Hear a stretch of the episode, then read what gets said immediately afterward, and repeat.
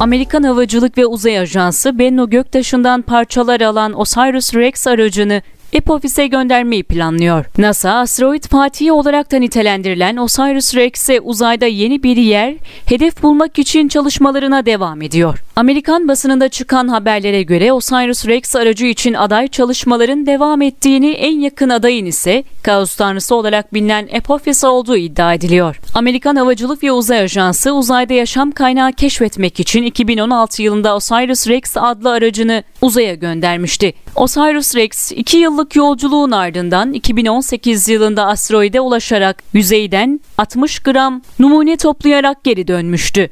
Toplanan numuneler üzerinde incelemelerde bulunan uzmanlar göktaşının içinin neredeyse boş olduğunun, toplanan numunelerin istenilenden daha yumuşak olması ve aracın üzerinde bulunduğu ortamın çökmeye başlaması bu iddiaları ortaya çıkardı.